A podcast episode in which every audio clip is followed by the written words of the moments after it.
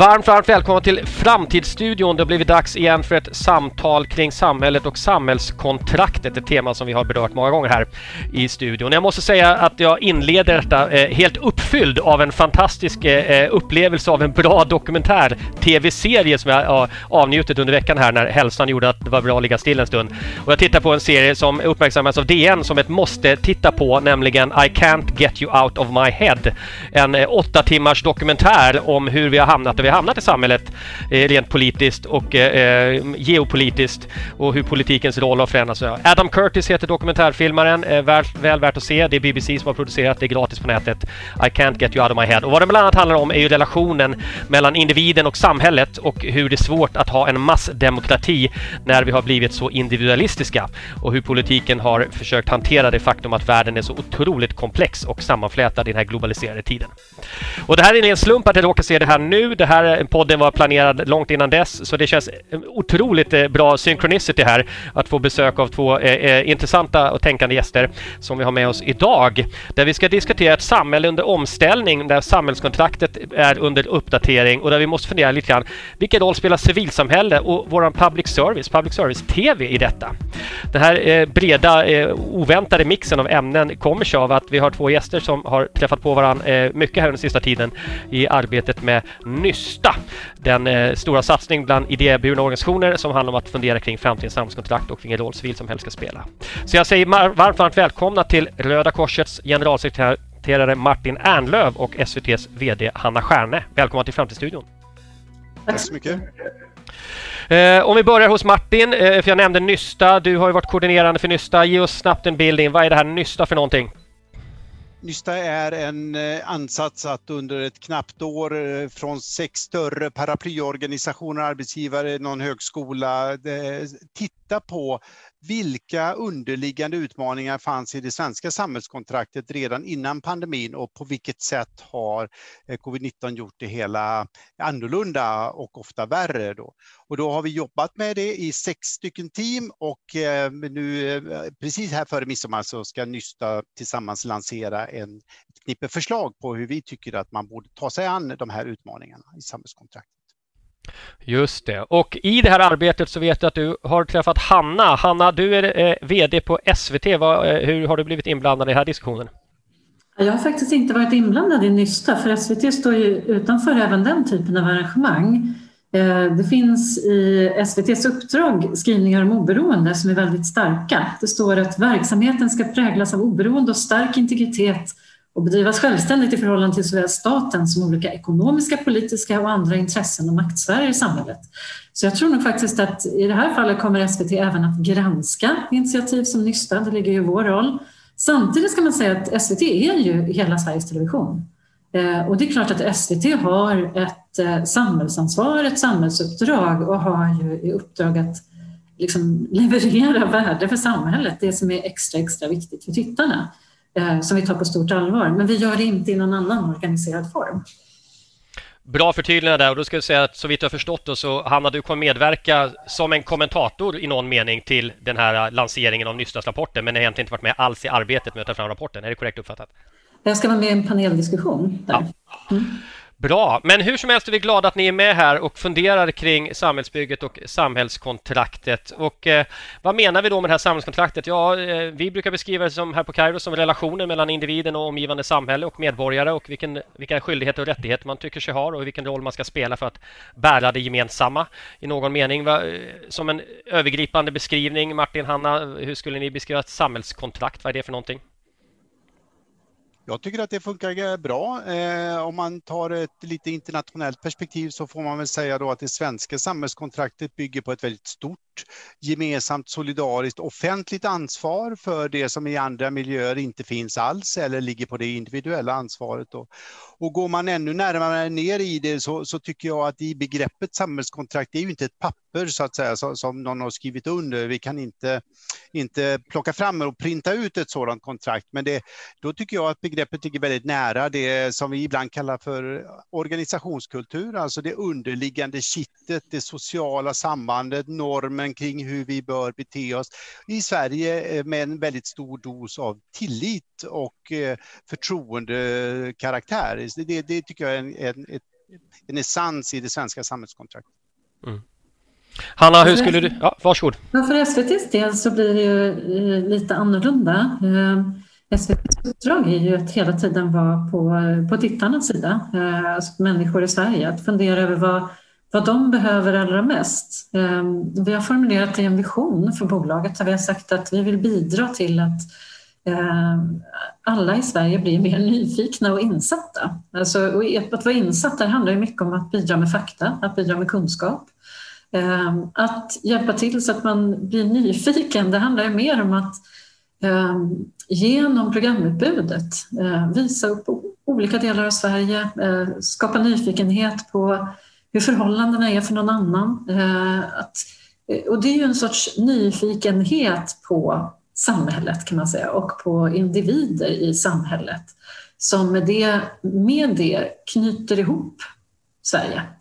Eh, om du är nyfiken på den andra, oavsett vem den andra är för dig, så bidrar ju det till, till en helhet och kittar ihop samhället. Och där tror jag att SVT kan bidra. Och vi mäter med regelbundenhet hur människor ser på det samhällsvärde som eh, SVT tillför. Så vi, vi, frågar ett stort antal människor, liksom, hur, hur ser du på SVTs samhällsvärde? Och där kan vi till exempel se att det har legat extremt högt under den här pandemin. Så när det blir kris i samhället så, så eh, lyfter man samhällsvärdet eh, för medieföretag generellt men framför allt för, för SVT och säger att det är väldigt, väldigt högt. Nästan 80 procent av svenskarna har sagt att SVT haft ett väldigt högt samhällsvärde under pandemin. Mm, det är ju bara att gratulera. Och skulle du säga att det här upplaget, vilket jag spontant bara upplevde, det ligger naturligtvis väldigt väl i tiden, men om du jämför det med SVTs ambitioner ja, jag vet inte, säg för 40 år sedan eller något sånt där. En bra bit tillbaka i tiden i alla fall. Hur, är det här en anpassning efter människor och, och synsätt på, på eh, public service roll i samhället eller vad, vad är det som har drivit den här förändringen?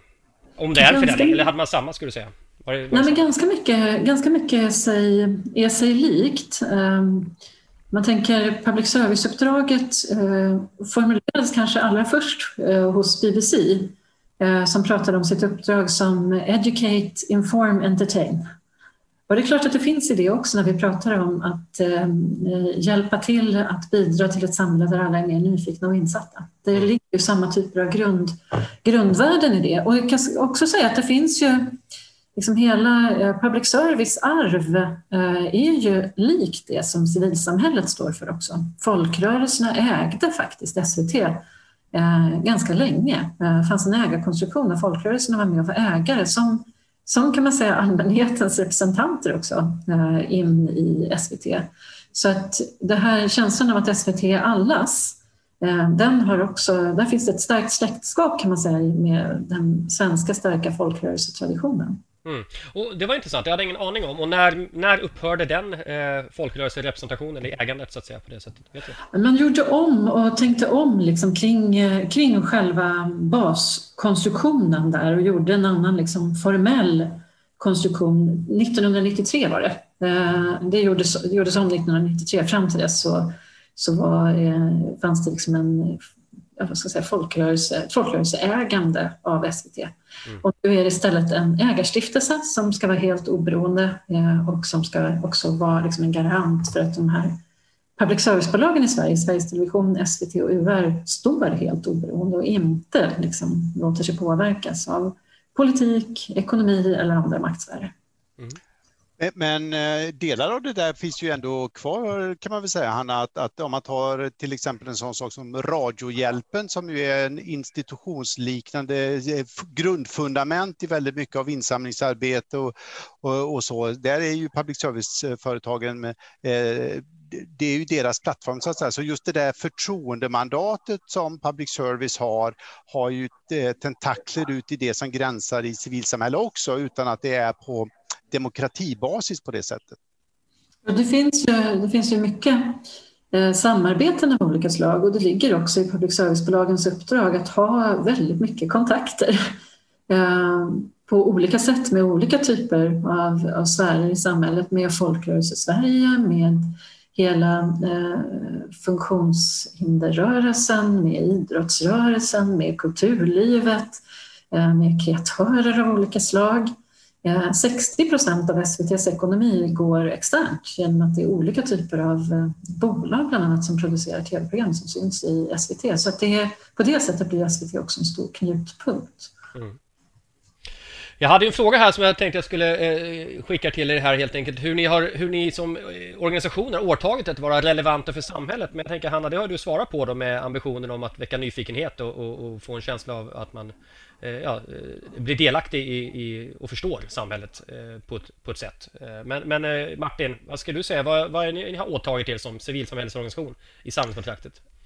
Ja, men jag börjar brett och, och, på något vis talar för, som en del av ett stort civilsamhälle, så, så tänker jag att, att eh, civilsamhället i Sverige har en roll att, att hjälpa människor att kunna leva fritt och jämlikt och att stödja samhället i att möjliggöra det, men också då att påtala och driva och omforma utvecklingen av samhället. Alltså att, att både vara en part i det här, precis som Hanna beskriver att public service ju är på många sätt, det här tillits och förtroende och nätverksbyggande sättet som ändå finns. Det ingår någonstans, tycker jag, i det svenska samhällskontraktet och där tänker jag att civilsamhället har en roll. Det, vår, det vi skriver under på, det är att hjälpa människor, stödja människor att hitta sin eget liv, sina egna förutsättningar, sina jämlika förutsättningar och rättigheter, men också pusha och driva på och ifrågasätta och sätta spotlight på det som inte funkar.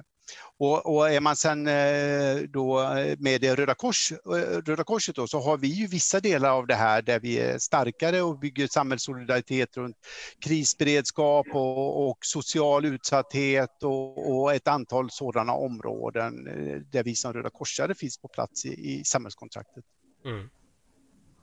Och en sak jag funderar på när vi nu tar de här två aspekterna, så att säga, både då public service-tv och, eller public service i en bredare mening och civilsamhället. Så eh, om vi hävdar nu, som, som jag ändå gör, att, att eh, samhällskontraktets omskrivning är just nu lite mer dramatisk och mer omfattande än vad det varit eh, under en period tidigare. Det, det diskuteras ständigt. Eh, samhällskontraktet är ständigt med i samhällsdebatten på olika sätt. Men Eh, och då tänker jag mig att det framgångsrika civilsamhället som växte fram eh, början på 1900-talet och, och, var fortfarande väldigt starka folkrörelser eh, långt in på 1900-talet och eh, var med och formade hur samhället skulle se ut och hade idéer om medborgarrollen och medborgarskapet på olika sätt. Och jag inbillar mig, här får du säga emot mig Hanna, att, att SVT eh, mer eller mindre medvetet också hade en idé om hur samhället skulle fungera? Eller var man värdeneutral totalt? För min fråga är så här, ni två som aktör, inte ni personligen naturligtvis, men era organisationer bakåt sett så att säga, har det funnits en, en, en en, en, idé om hur samhället ska vara och när samhället nu ställer om så eh, är det frågan vilken roll, vilket ansvar har man som civilsamhälle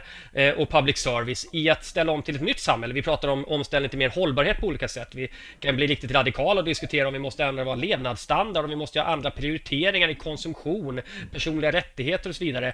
Eh, för och en, solidaritet, mer global solidaritet i någon mening med, med, med hur vi ska beskatta koldioxidutsläpp och vad det kan vara för någonting. Alltså där, där samhället måste skifta så snabbt snabbt att de som tidigare var med och kanske förstärkte den samhällskontraktsutvecklingen nu har ett nytt läge inför en ny samhällskontraktsutveckling.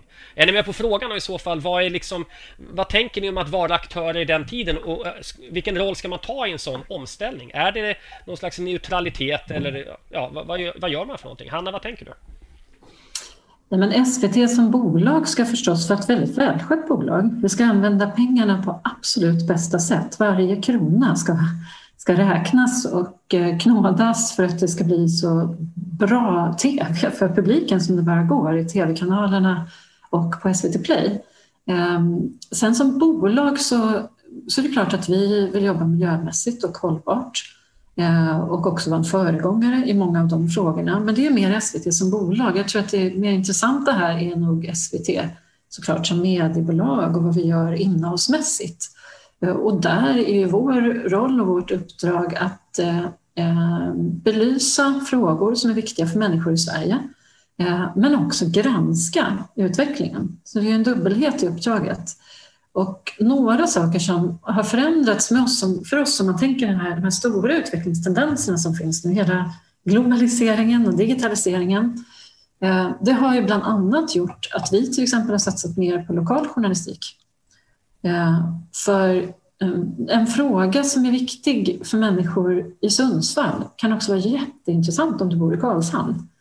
Eh, och att på det sättet belysa frågor som är viktiga i olika delar av landet och också, det kan ju vi genom riksprogrammen, att lyfta upp det här så att, så att det blir synligt för alla i Sverige. Det har blivit en viktigare uppgift för oss. Mm. Eh, det finns liksom färre medieföretag i Sverige som med självklarhet belyser det som händer i Sverige. Det har blivit en viktigare fråga för oss.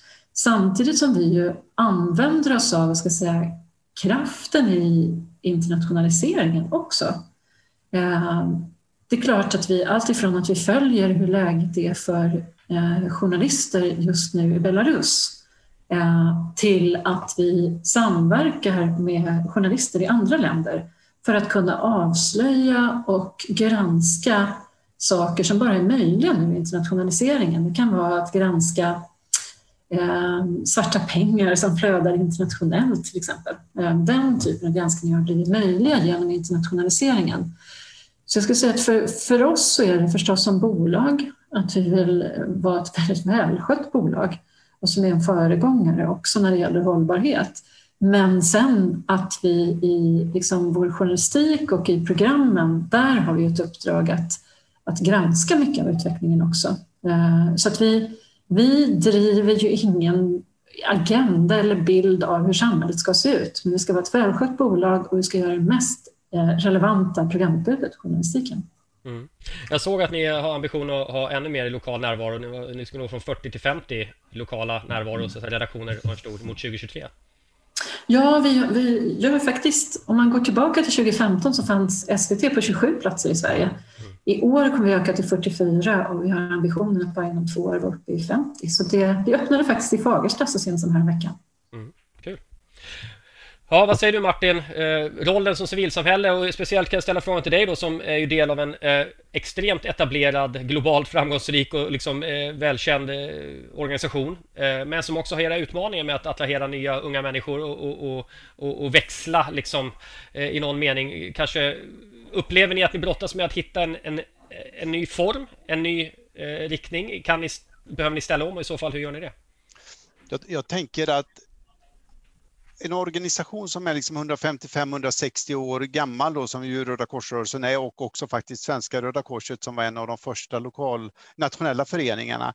Eh, det är ju en organisation som under den här tiden har ställt om och kalibrerat och, eh, och tagit ny ansats eh, massor med gånger. Va? Jag menar Röda Korsrörelsen var ju tidig att driva fram saker som idag är offentlig eh, standard i Sverige, skolbarn, tandvård till exempel och, sådana grejer som vi inte ens tänker på i de här sammanhangen. När jag träffar mina internationella kollegor och åker runt och ser på hur det ser ut i andra samhällssystem än den svenska, ja då är det inte sällan så att det är Röda Korset som kör den enda generella ambulansservicen som finns också i stora städer.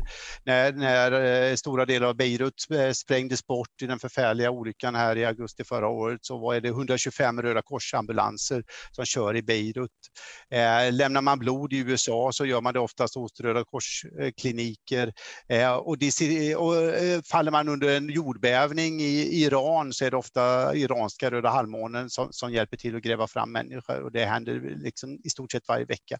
I det svenska systemet då så, så är det klart att, att det vi har sett eh, de senaste åren och det tror jag också att jag kan tala för stora delar av det civila samhället då, att Eh, för 10-15 år sedan så var det ganska självklart att om det inte fanns en offentlig lösning för att hantera enskilda människors eh, utsatthet, eh, då var det något bara, det var något tekniskt fel bara som hade hamnat i systemet. Så är det inte idag.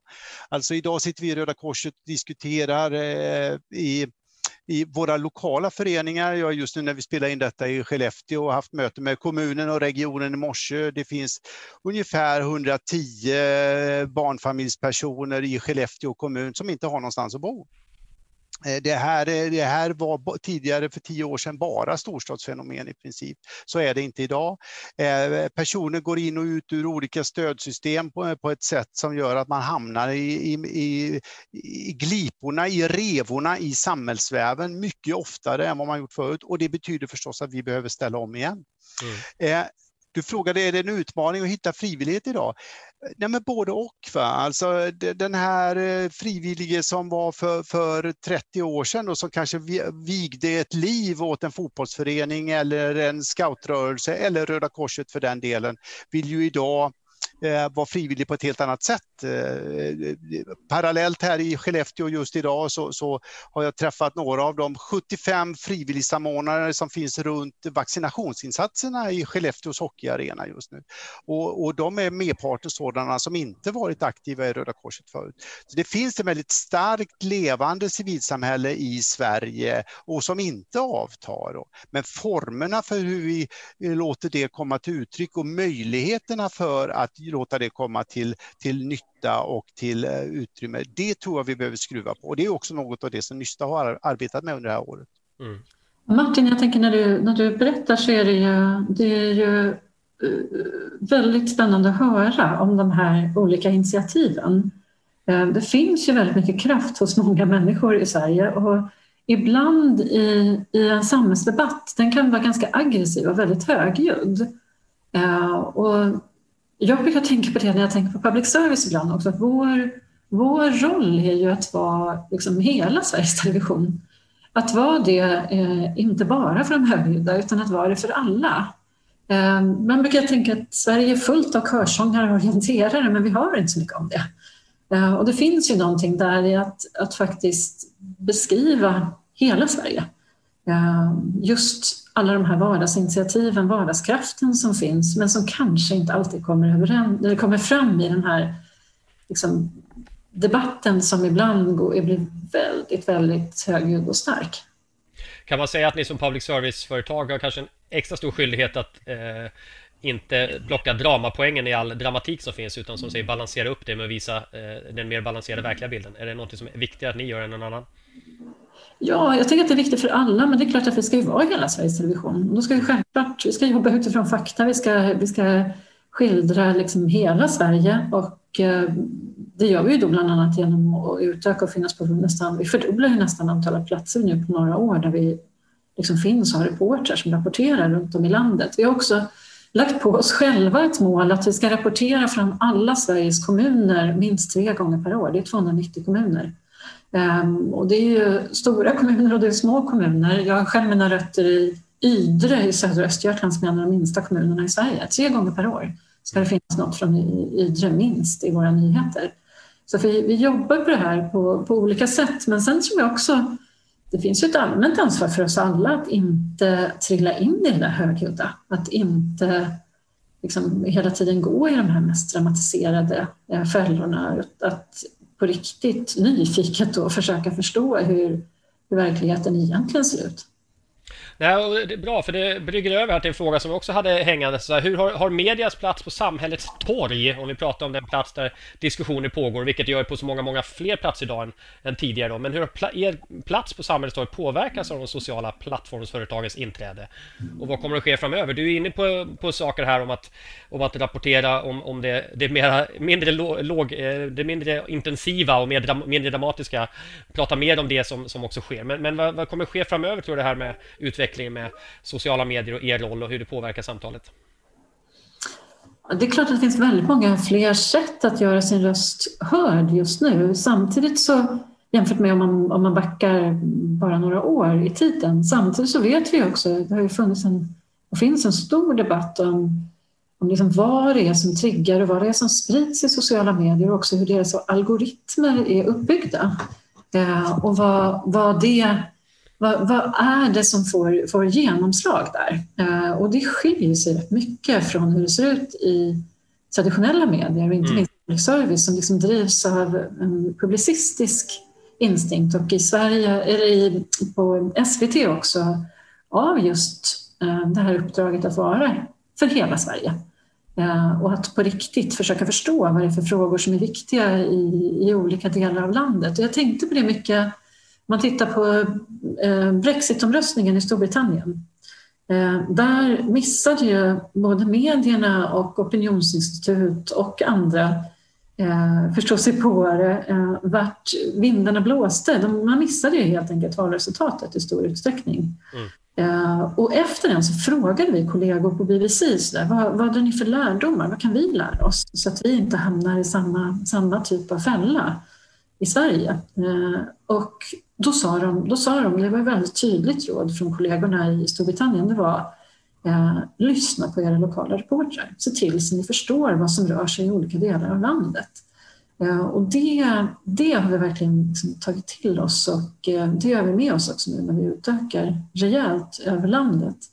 Eh, men sen är det fascinerande, det var fascinerande under pandemin också. För, för jag vet inte hur många gånger man har sagt sådär, lägerelds-tv är på väg ut och eh, mm. är det inte längre de stora samlingsplatserna. Och i själva verket under pandemin så har det varit extremt många som har vänt sig till tv och som har samlat sin tv, fått, fått liksom sin informa, basinformation om vad det är som händer kring corona från just SVT som har, har varit, haft högst värderingar där.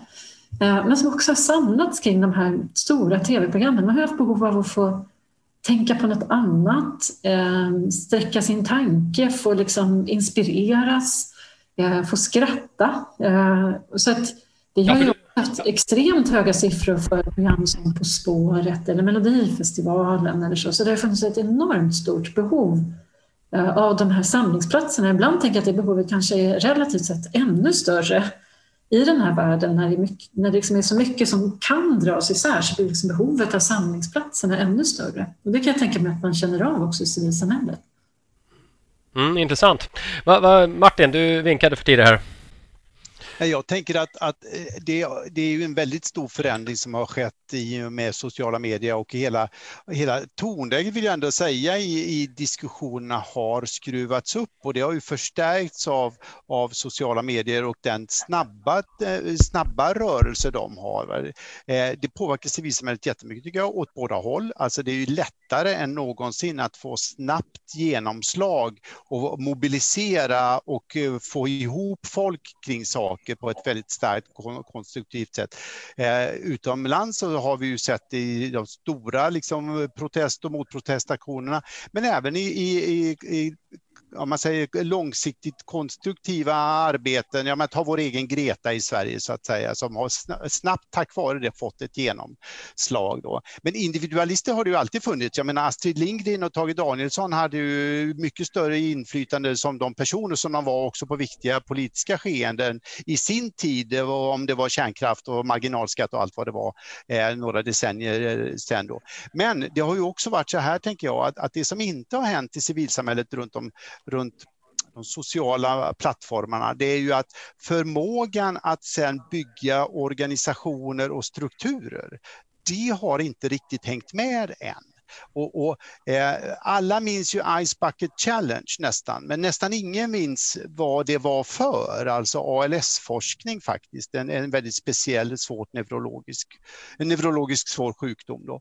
Och, och, det, där, det där utmaningen har vi ju kvar att lösa inom, inom civilsamhället, alltså hur konverterar vi ett, ett, ett engagemang i sociala medier som är då av gig-karaktär, eller vad man ska säga, mm. in i uthållig, sustainable omformning av samhället och i konstruktiva krafter, eftersom många av de processerna är ganska långsamma. Alltså det är inte jättemånga politiska reformer en regering som sitter stabilt i fyra år hinner med.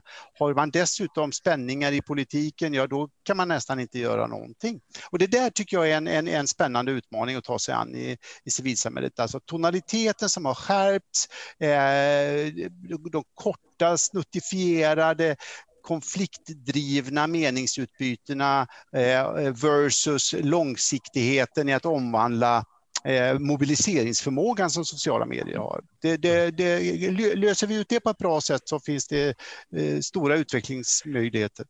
Mm, ja, men för du är inne på någonting här, civilsamhället som är van, har en erfarenhet av att jobba långsiktigt, väldigt långsiktigt, ibland eh, kämpat i decennier för att åstadkomma eh, rösträtt och allt vad det kan vara för något.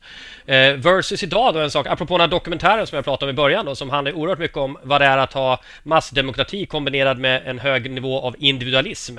Alltså vad är, vad är att, göra, att vara uthållig i ett civilsamhällessammanhang om man är individualist och uppvuxen som eh, med, alltså kundborgare som vi sa i vår studie för några år sedan branschen eh, och ha en relation till samhället mer som kund. Så, eh, I vilken mån eh, hanterar civilsamhället det väl? Att man vill vara individualist och, och inte köpa hela paket av idéer eller åtaganden, precis som de politiska partierna har brottats med medlemstal under lång tid, även om det har vänt uppåt för en del och en del har vuxit. Men, men sådär, det här att köpa liksom en helt... Man, man går in i det kollektiva för att åstadkomma förändring. Civilsamhället behöver man tänka om med en mer individualistisk medborgare, eller vad tror du? Ja, det tror jag och eh, också att de här gränserna för sådana som eh, mig då som har fyllt 50 och, och, eh, och ännu äldre personer då, då, då, tänker man ju ofta föreningsliv och demokrati i vissa, vissa former. När jag pratar med folk som är under 25 och är månadsgivare till, till Svenska Röda Korset, vi har nästan 100 000 månadsgivare.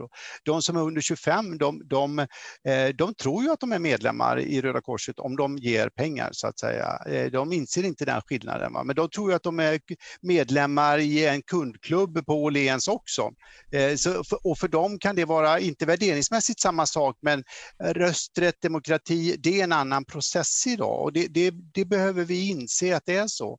Mm. Eh, de här, eh, jag nämnde tidigare, vi har 1400 i Röda Korset nu, frivilliga som är vaccinationsstödjare. Vi kan inte utgå från att de vill gå vår kassörsutbildning va, och sätta sig i en lokal föreningsstyrelse. De tycker att det här är kul och det är en grej som händer och de gör en himla nytta för folk har sprutfobi och, och svimmar och, och, är oroliga och är bara glada och ledsna och vill prata med någon. Och det är en stor insats då, men då får det också vara okej okay, att man sen inte går in och tar ett föreningsförtroendeuppdrag i tre och ett halvt år. Det tror jag vi behöver vara lite mer, lite mer flexibla och lite mer eh, kvickfotade i att tänka på det sättet. Mm.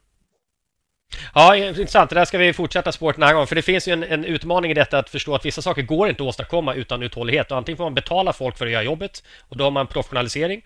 Eller så får man ha mobilisering som gör att folk är med ideellt och så knuffar man på över tid. För det är ju en fråga, går det fortfarande att skapa massrörelser i framtiden på det sättet som har varit med och format 1900-talet? Va, va, vad säger du Martin? Kommer vi se ny, helt nya massorganiseringar eh, av typen medlemskap då så att säga? Inte många som klickar på, eh, på en eh, petition eller något sånt.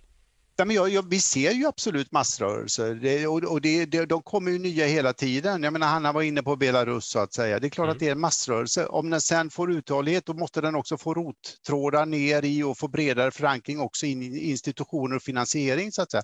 Och det är ju samma sak kring miljörörelse och eh, eh, mänskliga rättigheter eller ren humanitet då, som Röda Korset står för. Så det finns absolut det. Sen att man att man inte röstar på föreningsstämmor i, i komplicerade eh, de, eh, föreningsdemokratiska processer på samma sätt. Det tror jag vi kanske behöver lära oss att leva med, liksom de politiska partierna. Mm. De är, står ju mitt i det också. Mm. Innan jag slänger frågan till Hanna här så måste jag bara säga det att vi har ju sett både Occupy Wall Street och den arabiska våren som under helt olika förutsättningar naturligtvis mobiliserades men inte kom vidare sen så att säga. Vilket en del beskriver som också en konsekvens att det fanns ju ingen, ingen ledning till exempel för det. Det fanns ingen part att prata med eller representation och så vidare. Och där finns ju, tänker jag, en spänning, en, en problematik kring individen som inte vill köpa sig in i ett kollektiv versus att kollektivet inte heller kan ha någon, eh, någon till slut representation som kan möta någon annan part och helt enkelt skapa nya avtal och allianser och samhällskontrakt. Men en fråga apropå Hanna, du var inne här på att vara hela Sveriges eh, TV och, och, och ehm, eh, spegla hela landet, eh, spegla eh, olika perspektiv naturligtvis. Eh, och välfungerande samhällsinstitutioner leder ju till en högre mellanmänsklig tillit, eh, är ju forskningens eh, resultat. Totalt sett är den mellanmänskliga tilliten god i Sverige. Vi har ju frågat kontinuerligt över hur människor, om människor litar på människor i allmänhet och så vidare. Och det är ungefär någonstans mellan 65 och 70 plus procent som säger att nej, man kan lita på folk allmänhet. Det finns ingen tydlig avbräck i den, i den trenden de senaste decennierna. Samtidigt rapporterar ju SOM-institutet för några år sedan att det finns en mindre grupp eh, svenskar då som, som inom den socioekonomiska gruppen så finns det fler då som eh, visar som, eh, som jag ska säga så här, inom den socioekonomiska gruppen så finns det färre högtillitare. Alltså i gruppen så är det många som eh, vänder ryggen mot det som ibland då kallas etablissemanget. Så att säga. Och du är inne här på saker som SVT gör, mer lokal närvaro, eh, finnas och, och, lyssna på vad som händer i lokala, så att säga.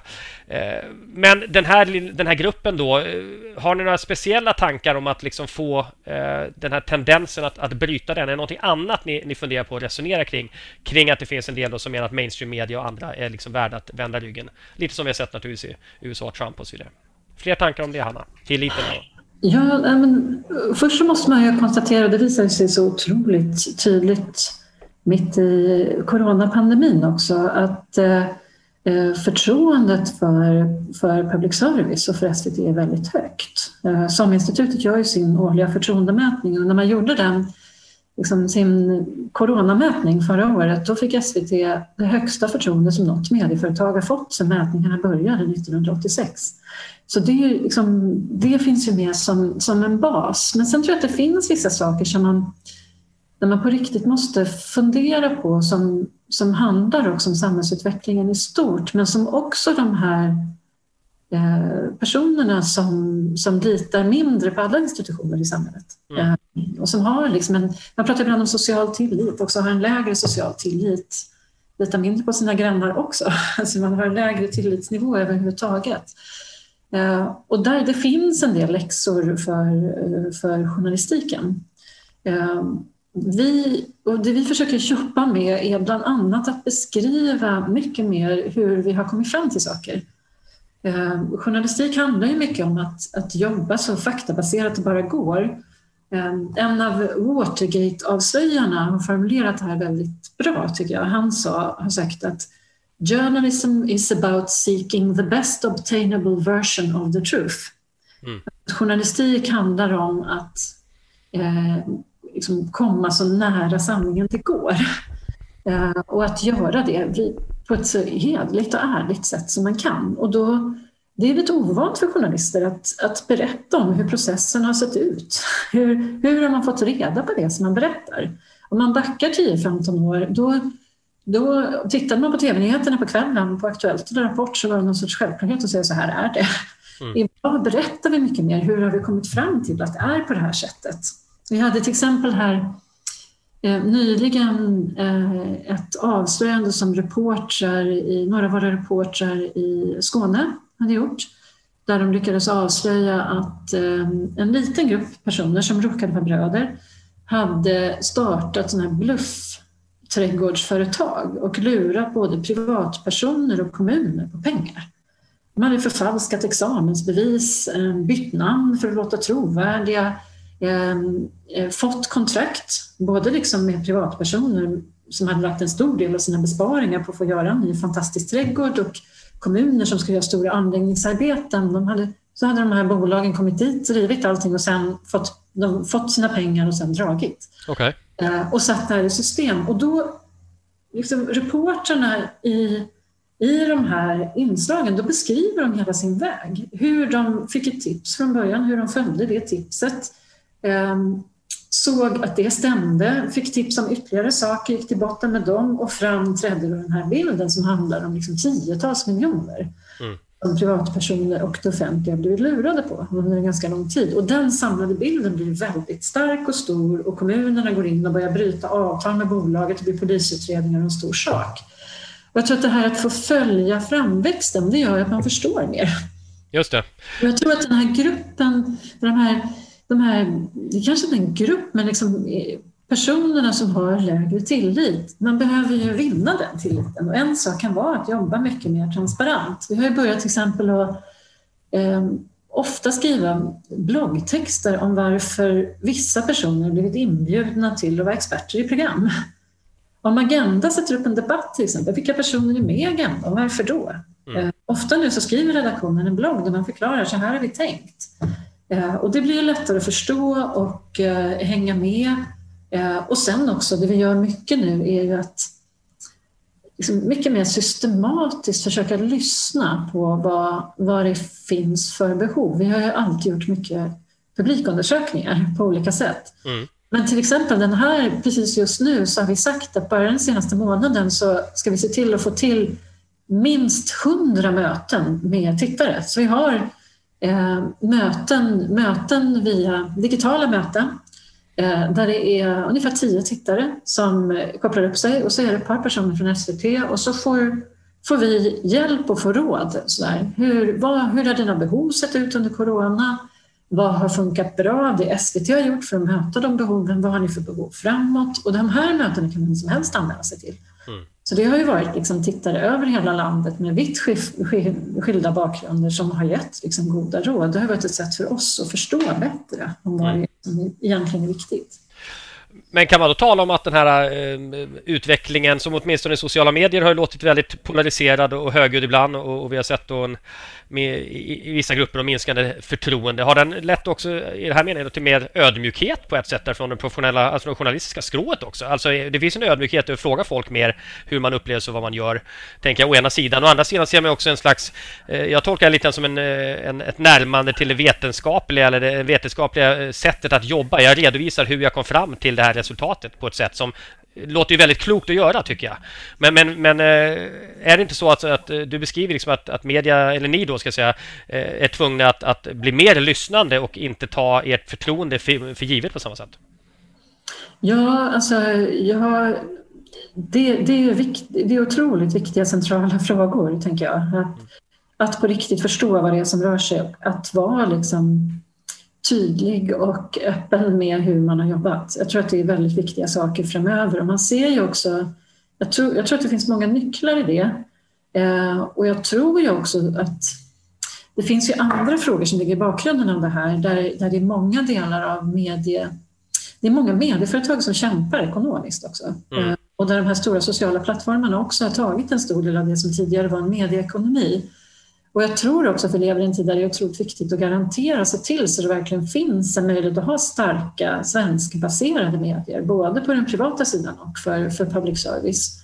Eh, så man ska inte ta det här för givet. Medierna har en läxa att göra själva. Mm. Eh, men samtidigt så finns det liksom en läxa för samhället i stort att se till så att de här medieföretagen har, har rimliga förutsättningar framåt. Mm. Eh, för, för den här utvecklingen lär ju fortsätta där de globala plattformarna kan liksom kan, de skrattar sällan i Sverige till exempel. Eh, de, de hittar sätt att globalt liksom bygga sin egen affärsmodell. Och jag tror att man behöver tänka till där så att man stöttar de svenskbaserade medierna, både public service och privata medier. Och tittar man också på, på forskningen just som, som gäller tillit så kan man se till exempel att i länder där det finns ett förhållandevis starkt public service, eh, där är tilliten högre. Det är en högre tillitsnivå i samhället. Mm. Men det är en korrelation, vi vet inte om det är en kausalitet va? Ja, alltså man har ju sett när man, när man tittar på det forskningsmässigt så har man ju sett att det finns. Alltså så, så ser det ut och man ser också att den allmänna faktiskt liksom, så här, bildningsnivån är högre i de länderna. Mm. Mm. Martin, reflektioner kring tillitsbyggande och samhället vara civilsamhälle och vara med och bygga tillit och förtroende i en tid när en del grupper i alla fall tycks eh, tycka att etablissemanget, de etablerade makthavarna på olika sätt inte längre är att lita på och institutionerna. Om man, om man tittar på en av de sakerna som jag tror att civilsamhället behöver eh, spotta upp sig på lite grann här och det är ju också att tydligare jobba tillsammans oftare och, och, och, bli en part, även om vi har kvar vår individuella frihet och att organisationerna ser lite olika ut. Funkisrörelsen är på ett sätt, mänskliga rättighetsrörelser i andra dimensioner på någonting annat, sociala för, eh, föreningar på ett tredje, idrott, kultur. Jag tror att vi behöver eh, hitta oftare, göra det enklare eh, för samhället i övrigt att prata med civilsamhället och det här Nysta-arbetet som ju nu har pågått under knappt ett års tid, det är ju ett sådant uttryck, alltså att, där vi lägger fram idéer och tankar kring det här. Eh, jag tror ju som eh, Hanna då att, att ibland finns det en diskussion kring ekonomi, huruvida du är fri eller ofri, om du sitter i beroendeställning eller inte och pressstöd eller inte och, och, och att civilsamhället tjatar om pengar och, och, och, så. Eh, det finns ju, om man ska kunna vara närvarande över tid och kunna ha en lokal närvaro och en lokal förståelse, eh, då behöver det finnas en kontinuitet oavsett om det är en, en nyhetsredaktion eller om det är en, en Eh, civilsamhällets struktur. Och där tror jag att Eh, samhället behöver ta ett större grepp att också flytta fram den positionen med att hitta ett strukturerat sätt att stödja också de delar i civilsamhället som inte är kultur och idrott. Det, det är helt outvecklat idag. Alltså på vilket sätt ska man kunna ha en närvaro över tid så att man kan hjälpa till när det blir en skogsbrand eller terrordåd eller en pandemi eller ett stort strömavbrott eller bara en långvarig långvarig eh, mobiliseringsbehov av, av medborgare. Så att, där är vi inte tillräckligt fingerfärdiga från samhällets sida idag. Nej. Nej, det ska bli intressant att höra vad ni släpper också när ni eh, släpper en rapport om detta förstås. Då. Ehm, eh, Hanna och Martin, eh, som ni resonerar tycker jag, eller vi hör era olika resonemang så att säga och vi pratar om, om framtiden så tänker jag, är det så att eh, era verksamheter är vinnare i den samhällsutveckling som är i betydelsen mer engagemang eh, för eh, civila insatser, vi behöver civilsamhällesinsatser, vi behöver se mer eh, ansvarstagande därför eh, välfärdsutveckling, politiken vill ha hjälp, eh, medborgarna behöver stöd när de hamnar ut mellan i revorna i nätet så att säga. Och för Hannas eh, och SVTs eh, del eh, det här att samlas runt det gemensamma när tider känns pressade. Om vi nu tänker oss ett samhälle som delvis kommer uppleva mer klimatkatastrofkriser åt det hållet så att säga och, och också en demografisk utmaning på, som gör att skillnaderna mellan olika platser i Sverige kommer öka och behovet av insatser kommer öka på olika sätt för att täppa till hålen. Är ni, är ni vinnare i den framtidsutvecklingen? Lite cyniskt menat, men ändå. Båda tystnar. Jag kan, jag kan svara först, Hanna. Då. Jag skulle inte vilja eh, tala eh, i begrepp om vinnare eller förlorare. Jag tror att behovet av civilsamhället är viktigare än på länge. Och då tänker jag eh, eh i bemärkelsen lite grann som kölen på en segelbåt. Alltså det som hjälper till att hålla en kurs och som ger en riktning och en färdväg och som inte vänder på en femöring helt jätteenkelt. Det, tror jag, det behovet tror jag är starkare än på länge och jag tror att eh, ett, ett fritt och ett självständigt civilsamhälle eh, kommer vara av ökande betydelse de kommande två decennierna i Sverige också. Det tror jag. Mm, mm. Men jag tänker också att det, det handlar verkligen inte om vinnare och förlorare utan det handlar om vad det är för behov som finns och hur de kan mötas. jag tror att behovet av eh, liksom ärligt menad eh, journalistik som är så faktabaserad som det går eh, och oberoende eh, av olika typer av maktsfärer och intressen, det behovet kommer bara att växa. Eh, som en hjälp när man försöker orientera sig och en transparent och öppen journalistik som, som gör det möjligt för en att förstå liksom hur, hur reportrarna kommit fram till de slutsatser de har gjort. Men också det här behovet av att att hitta liksom, att det finns gemensamma samlingspunkter, det där som mm. kittlar ihop oss eh, på, på liksom fikarasten på jobbet eh, som, man, som man snackar om gemensamt. Eller man står där liksom på, vid sidan av fotbollsplanen när ungarna spelar som hjälptränare tillsammans med någon annan förälder. Eh, vad, vad är man pratar om? Vad, det finns någonting där som, som liksom kittar ihop samhället och där tror jag också att i den här snabba internationaliseringen och digitaliseringen så ökar behovet av de berättelserna som också är berättelser om Sverige. Eh, så där, där tror jag att behoven kommer att vara, vara större och där hoppas jag förstås att, att SVT kan vara med och, och spela en viktig roll. Mm. Tack för det.